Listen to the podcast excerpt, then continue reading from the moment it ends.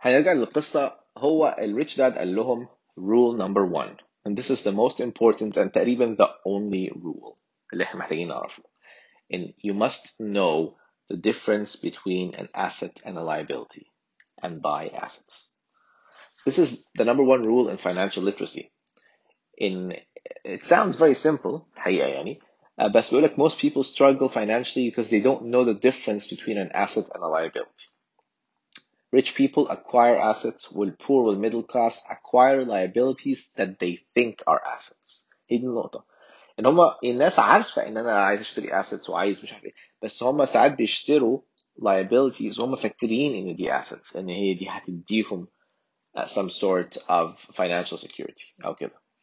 Um, فهم طبعا العيال سألوه what is an asset فهو عنده a very simplistic definition of an asset ويا جماعة انتوا لو حاولتوا تجوجل يعني ايه asset هتلاقوا كلام ملعب كتير جدا وملوش أي لازمة بصراحة and yeah you can تروح تدرسوا ده of course economics ولا حاجة ولا finance بس from, from a practical life an asset according to Robert, Robert Kiyosaki مش بنقول ان ده the only definition of an asset بس a very simple definition of an asset is an asset puts money in my pocket well liability takes money out of my pocket بس كده يعني asset بتحط فلوس في جيبي. لو ما حطش فلوس في جيبي يبقى ده مش a liability بتاخد فلوس من جيبي. بس كده. Very simply.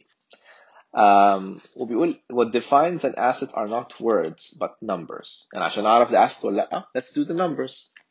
ما إحنا ممكن نتكلم بقى طب دي asset ولا لأ؟ طب الستوك ماركت ده asset ولا لأ؟ طب البيت ده asset ولا لأ؟ طب الانفستمنت ده asset ولا لأ؟ ماشي. ممكن نختلف على بس do the numbers لو ال numbers put money in my pocket يبقى it's an asset لو ال numbers eventually took money out of my pocket يبقى it's a liability على طول كده um, وبعدين هو حط كوت لطيف قوي من من futurist author كده اسمه Alvin Toffler بيقول ان the illiterate of the 21st century will not be those who can't read or write but those who cannot learn unlearn and relearn كلنا جايين بأفكار ومبادئ و, uh, و certain paradigms of the world uh, based on where we grow up, how our parents فالناس اللي فينا هينجحوا in the 21st century هم اللي عندهم القدرة إن هم يتعلموا ويغيروا الحاجات اللي اتعلموها يعني ويبقى مستعد يتعلم جديد من الأول. This is the most important uh, I think uh, thing we have in this century. Um, بعدين أنا هبدأ أحط لكم دلوقتي uh, صور من uh, اللي هو الكاش فلو pattern. I'll just describe it وبعدين إيه هبدأ أوريكم يعني cash flow pattern. هو روبرت كيوساكي حاطط حاجة very simplistic اللي هي الانكم ستيتمنت والبالانس شيت ودي حاجتين أي حد فيكم اشتغل في شركات أو got involved مع أي حاجة في حاجة اسمها the profit and loss statement أو the income statement اللي هي يقول لك إيه الإنكم إيه الفلوس اللي دخلت لك وإيه الفلوس اللي طلعت منك الاكسبنسز وبعدين بالانس شيت اللي هو البالانس between your assets and your liabilities. أوكي يبقى هما دول حاجتين الإنكم ستيتمنت والبالانس شيت هما دول الحاجتين عايزين نعرفهم ونبقى فاهمين إزاي نعمل لنفسنا a personal income statement and a personal balance sheet. طيب um, هو بيقول بقى an asset is something that puts money in my pocket whether I work or not.